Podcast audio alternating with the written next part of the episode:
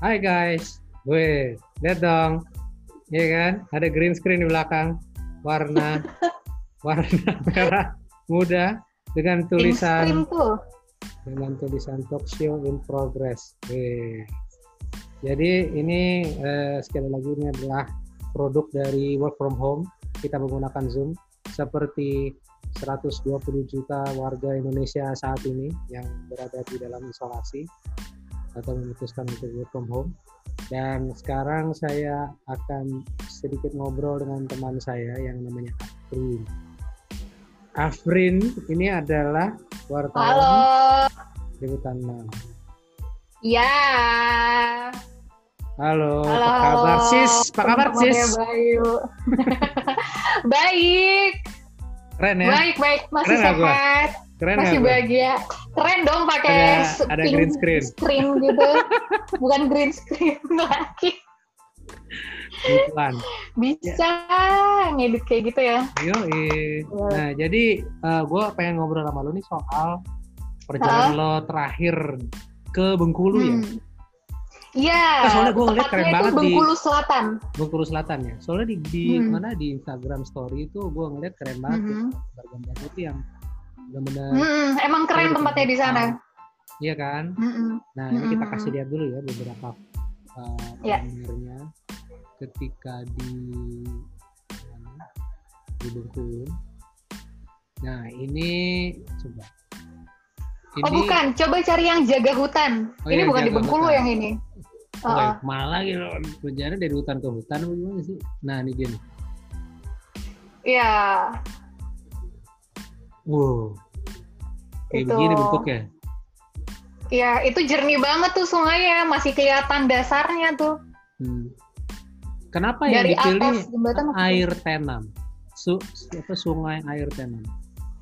Karena di hutan air tenam itu salah satu desa yang salah satu desa dan hutan yang masih istilahnya masih fresh, masih hutan asli, Hmm. belum eh, istilahnya belum banyak hmm, apa ya, belum banyak ada perubahan atau ada hutan yang dialokasikan untuk hal-hal lain itu belum ada itu fresh hutan gitu.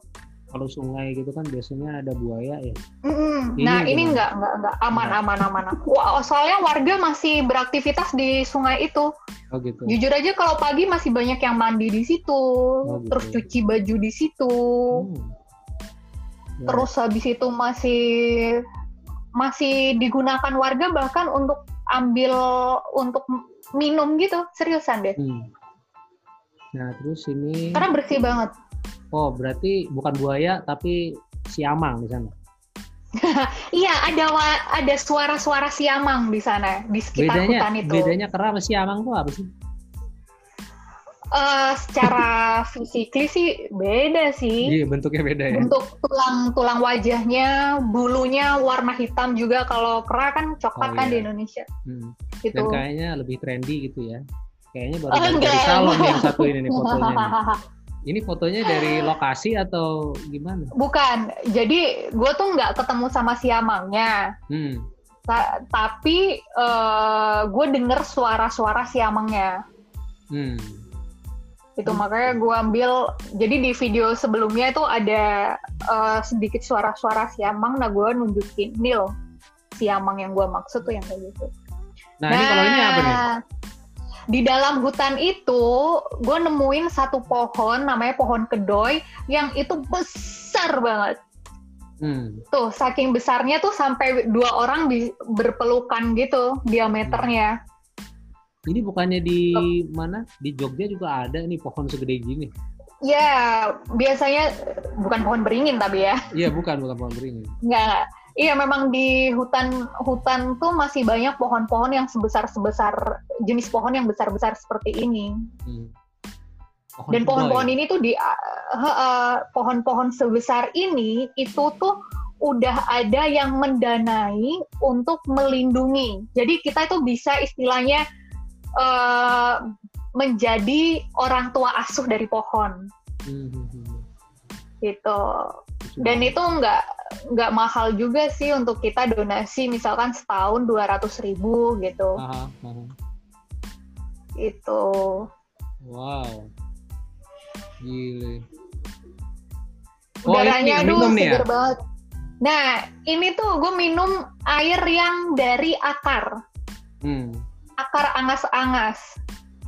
Akar angas-angas. Uh, nama pohonnya tuh pohon angas. Angas, pohon angas. po pohonnya istilahnya uh, pohon angas-angas, makanya angar akarnya akar angas-angas. Oke. Okay. Jadi dia Terus, kayak akarnya itu menyerap air gitu terus dia menyimpan air. Gitu. Iya. Hmm, akarnya gede menyerap air dan jenisnya akar yang keluar dari tanah. Makanya bisa dipotong terus habis itu uh, bisa diminum. Kayak di film-film ya? Iya, bener-bener jelajah hutan gitu. Itu Tuh. rasanya airnya kayak gimana? Air biasa? Aduh, seger banget rasanya. Sebenarnya hmm. sih sama dengan rasa kita minum air mineral yang hambar itu gitu loh. Tapi seger rasa. Dan... Nah ini ketika gue menginap di hutan ya. Ini ketika wawancara hujan-hujan. Uh, wawancara siapa? Jadi uh, kami tuh juga wawancara ada wisata Arum Jeram di situ. Nah, oh, kami tuh wawancara si uh, pet, apa ya petugas dari wisata Arum Jeram itu. Gimana sih wisata di sini? Orang banyak yang tahu nggak kayak gitu. Dan ternyata banyak yang tahu. Ternyata nggak banyak yang tahu sih, hmm. karena di desa itu sedikit sinyal, jadi mereka memang agak susah untuk mempromosikan bahwa sebenarnya di sini tuh bisa jadi tempat wisata gitu loh. Makanya pemerintah daerah sana sekarang sedang berusaha untuk bikin daerah itu bisa jadi tempat wisata. Hmm. Nah, eh, itu memang tujuan dari program ini untuk memperlihatkan kepada pemirsa bahwa eh, mengenai beberapa lokasi wisata yang menarik untuk dikunjungi walaupun tidak terlalu banyak promosinya atau bagaimana? Oh bukan, tujuan dari pergi ke sana itu bukan mempromosikan wisata sebenarnya. Tujuannya untuk pergi ke sana itu untuk memperkenalkan bahwa di Indonesia tuh punya tempat hutan-hutan yang luas, hutan-hutan yang masih fresh gitu, tanpa ada uh, diolah sebagai mungkin uh, apa lahan-lahan masyarakat yang masih benar-benar hutan ini dijaga. Kenapa sih hutan ini harus dijaga kayak gitu untuk merasakan gimana sih rasanya hidup di hutan. Jadi hmm. setelah gue balik dari sana, biar gue itu bisa share ke orang-orang di luar bahwa gini loh rasanya tinggal di hutan asiknya, makanya ayo jaga hutan gitu. Hmm. Nah nanti bulan depan gue bikin video uh, dengan kampanyenya cerita dari hutan gitu. Hmm. Untuk ngajak gitu. orang-orang biar oh kita harus sadar nih emang kita harus menjaga hutan meskipun anak kota nih kita hmm. harus tetap jaga hutan kayak gitu. Ya dengan dan, cara salah satunya mungkin donasi dan lain sebagainya gitu. Emang ada ya donasinya? Jadi ada. Hmm, jadi mungkin bisa googling uh, hutan apa namanya? Hutan uh, hut hmm, bentar bentar bentar bentar bentar. Adopsi hutan, oh, eh, adopsi, adopsi pohon. Oh, adopsi, adopsi pohon, pohon. gitu.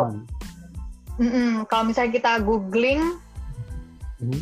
itu nanti ada adopsi pohon. Ada beberapa website-website yang ngajak untuk uh, yuk kita donasiin duit kita buat menjaga pohon-pohon yang ada di sana. Duitnya dikasihkan orang-orang yang bertugas untuk jaga itu hutan gitu.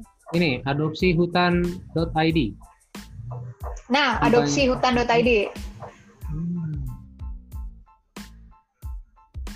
Kelihatan kan? Nah, iya ya kelihatan kelihatan kelihatan. Iya itu. Jadi itu setahun kita cuma uh, ngasih donasi dua ratus ribu. Hmm. Bisa itu untuk berdua. Jadi misalkan hmm uh, eh, gue mau donasi nih, tapi uh, eh, gue mau bareng nih sama temen gitu kan. Hmm. Jadi hmm. bisa seratus ribu, seratus ribu gitu kan, berdu hmm. dibagi dua kan.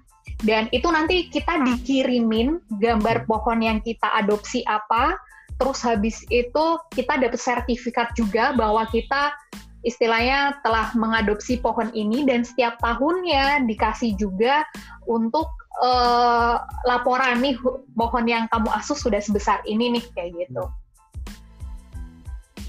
Nah ini penyelenggaranya Oh. siapa sih sebenarnya? Apa dari kementerian atau dari Penyelenggaranya ini seperti NGO gitu sih. oh, gitu. Nah, hutanitu.id terus dia bekerja sama dengan NGO-NGO di daerah-daerah gitu. Iya, dia punya Ada kerjasama juga sama apa Kementerian Kehutanan itu juga ada. Mhm. Gitu. Iya, ini ada- Di bawah, memang di bawah Kementerian Kehutanan itu sih. Nah, Ada Pop Hotel, Springs.org. nah mereka punya agenda-agenda banyak sih, nggak cuma ngajak orang pergi hutan sih gitu. Wow. Gitu. Seru juga. Ini bisa membeli produk hutan non kayu. Kampanye jaga hutan. Hmm. Ya, ada kampanye jaga hutan. Ini kerjasama sama mereka begitu ya.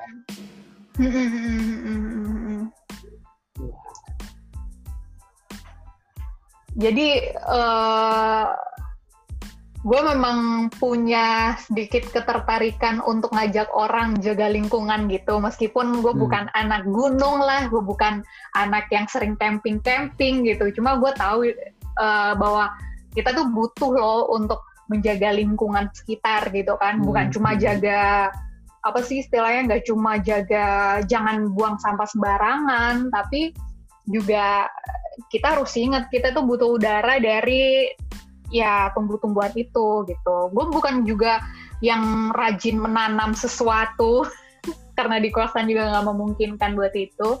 Tapi ya gue punya kesempatan untuk lihat gimana suasana di hutan itu seneng banget sih. Dan nantinya semoga video yang lagi gue kerjain sekarang bisa nyadarin orang di luar sana untuk jangan sampai deh kita ngerusak hutan atau merubah hutan itu sebanyak mungkin untuk jadi mungkin apa ya ladang untuk kebutuhan pribadi atau seperti apa kayak gitu sih.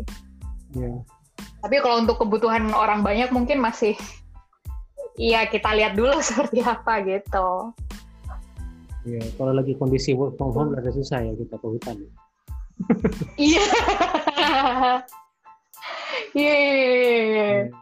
Tapi emang nggak ada duanya sih ya kalau misalnya apalagi orang perkotaan kayak kita gitu pas kita masuk ke hutan Hmm. itu kayak benar-benar apa ya ada ada dari dari bau aja udah beda ya kan Dari bau, dari udara yang kehirup tuh ya beda. Rasanya tuh udah kayak pulang-pulang fresh semua. eh, apa sih darah-darah di tubuh ini rasanya Hmm. itu udah fresh semua sih rasanya. Nah itu salah satu foto eh, tiga Makannya foto apa? di atas ini sih. Kenapa? makannya apa di sana Makannya di sana di deket hutan itu ada satu desa. Satu desa itu 52 kepala keluarga. Hmm. Memang nggak banyak sih rumah-rumah di situ dan gue menginap di rumah warga gitu. No. Satu Makannya malam camping. Makanannya sih waktu di rumah warga sama sih seperti kebanyakan. Gue dikasih eh, bumbunya ala-ala orang-orang Sumatera situ sih yang bumbu-bumbu rendang gitu. Oh iya. Jadi gue makan daging rusa tapi bumbu Daging rendang. Iya Daging. serius. Daging rusa rasanya kayak apa? Kayak ayam. Kayak sapi tapi agak keras dikit Oh, gitu. Tapi ya udah daging gitu sih. Oke. Teksturnya kayak daging sapi gitu. Iya. Agak keras dikit itu. Terus habis itu duren banyak banget di situ. Terus mm-mm. buat yang suka jengkol gitu juga banyak di situ. Kema- Hmm. waktu itu lagi panen sih. Hmm. Sama sih seperti makanan-makanan Sumatera gitu kayak bumbunya itu pekat-pekat berasa gitu. Itu Paling malam jam berapa? paling malam Sebelum tidur. Paling malam tuh sebelum tidur. makan malamnya jam berapa? Terus tidurnya jam Oh berapa? makan makan malam di sana sih jam habis maghrib gitu ya. Udah udah situ. Terus habis itu malam sih jam 9 jam 10 udah pada tidur, udah pada sepi warga. Hmm. Warganya Sepi? juga nggak nggak terlalu banyak itu. Hmm. Itu sih. Jadi tetap tidur jam 9 jam 10 ya. Namanya juga desa sih ya. Kecuali waktu he, eh, kecuali waktu camping ya. Waktu camping kan kami lagi di hutan gitu. ya tidur agak malam sih karena ya sambil ngobrol-ngobrol Hmm. terus habis itu nyanyi ya seperti lainnya camping gitu Hmm. itu menyenangkan sih apalagi ya orang-orang yang terbiasa di kota kayak Hmm. kan gue rasa kalau ada kesempatan untuk bisa camping masuk hutan Terpenjara seperti kita sekarang ini. Iya. bisa keluar.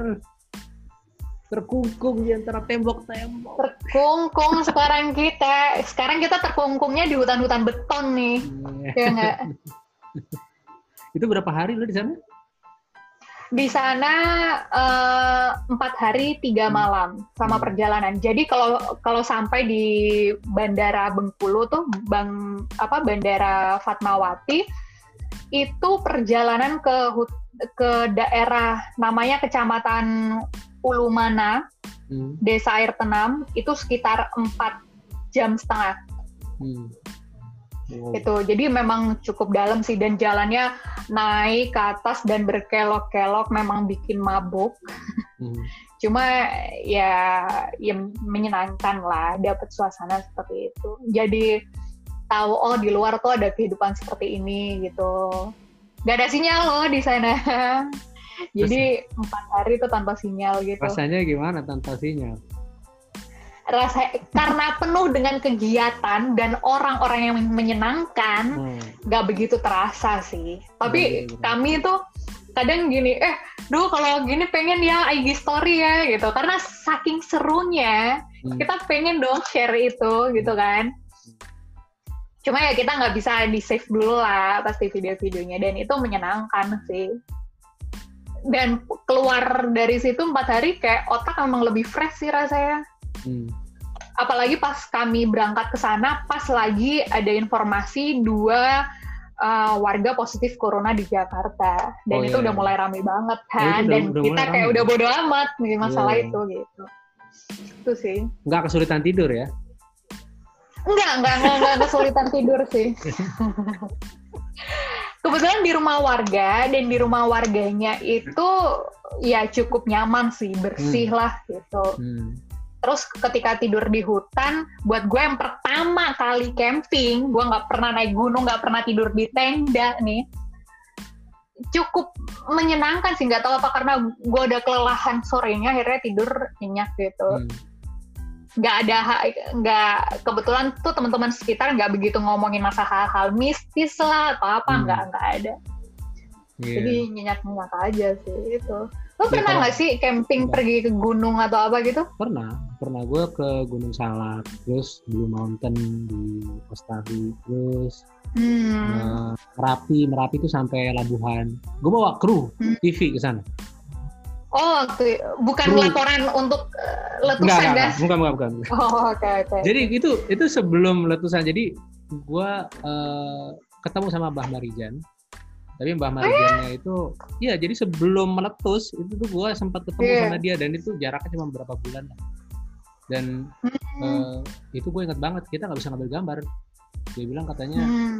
ya nanti ada yang naksir dia bilang gitu sambil bercanda begitulah terus Hmm. gue tuh eh, akhirnya kan krunya bingung kan terus kita mesti ngambil apa ini kan kita ada di ruangannya dia tapi kita nggak ambil gambarnya dia tapi gue Hmm. bilang tahu maksudnya paling nggak kan kita menghormati keinginan narasumbernya gitu Oh iya. akhirnya gue iya, cuman iya.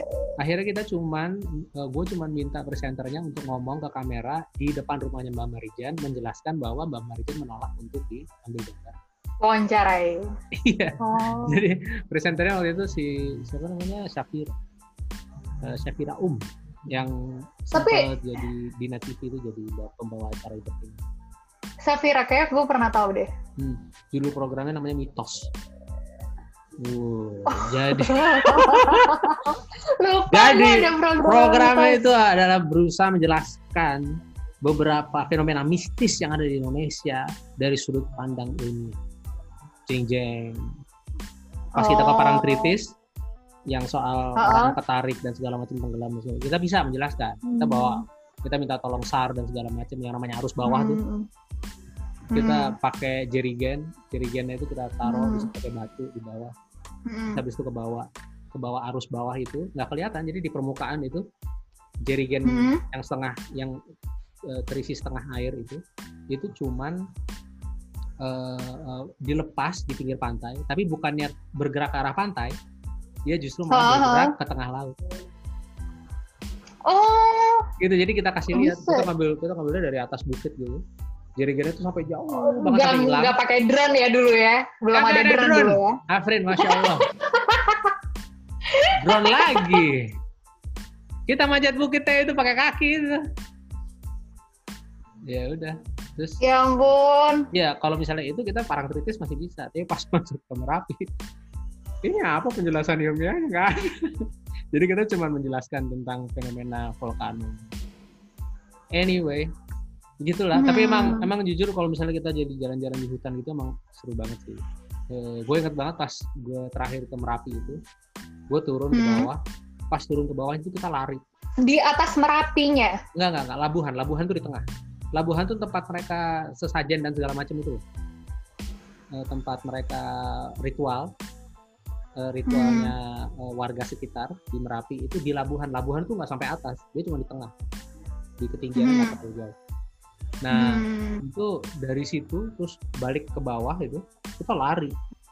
Pas lari itu lari terus kita loncat kan pas loncat itu kayak terbang gitu terus lari lagi lari lagi terus loncat lagi emang udah latihan sebelumnya untuk naik turun enggak, gunung enggak, gitu enggak enggak enggak latihan ya cuman gue tim lo semua anak gunung kagak. Bang Safira Om presenter yang entertainment. Tiba-tiba harus kayak gitu ya? Iya. Dan maksudnya kita bawa pemandu kan. Pemandunya kan oke. okay. hmm, yeah. jadi kita nggak mungkin hmm. nyasar gitu. Yang selama kita naik pelan-pelan pas turunnya ya kita mesti bisa sedikit genjot lah. Dan itu gue ingat banget pas turun itu karena gue loncat-loncat kayak gitu tuh gue seneng banget. Pas nyampe bawah gitu. Pas belum ada videonya nggak tuh? Kagak ada pas gue sebelum sampai bawah itu gue ingat banget gue sempat ya teriak-teriak gitulah jadi kalau misalnya lo pendaki gunung itu ada hmm. teriakan-teriakan apa ya uh, yang lo lakukan untuk ngasih tahu kalau misalnya hmm. di belakang apa anggota rombongan lo itu uh, sejauh hmm. mana dari lo hmm. kalau misalnya kita jalan tuh kan oi, gitu kan ya kita uh. ada ada teriakan-teriakan gitu lah ada oh gitu loh. Nah kayak gitu. Dan hmm. gue sampai setengah gitu gue ada ada ada kayak landai gitu gue berdiri di atas. Kayak apa sih namanya eh, potong pohon yang kepotong gitu lah. Jadi oke okay, oke okay, okay. uh, jadi gue gue naik ke atas itu terus gue teriaknya gitu. Terus tiba-tiba dari ujung ada yang jawab uh. gitu. Tapi makhluk beneran kan tuh? Ya biasanya sih warga ya. Gue sih memilih oh, untuk iya. memilih untuk mempercayai bahwa itu adalah seorang warga bukan hal-hal lain ya. yang bisa dilihat dan disentuh gitu lah bukan hal-hal suara tak ada bentuknya ya. Enggak. Ya ya itu sih. Memang memang oke okay banget sih kalau udah hutan tuh gak ada duanya anyway. Iya jadi gue tuh pulang dengan rasa kayak wah gue mas mungkin masih lama kan hidup di bumi ini gitu kan. Jadi kayak kayak sebisa mungkin iya gue tinggal di hutan bukan berarti harus ke sana nanam pohon atau kayak gimana kan tapi kayak gue mencari cara untuk gimana Indonesia ini tetap banyak hutannya gitu Hmm. Itu sih. Yoi.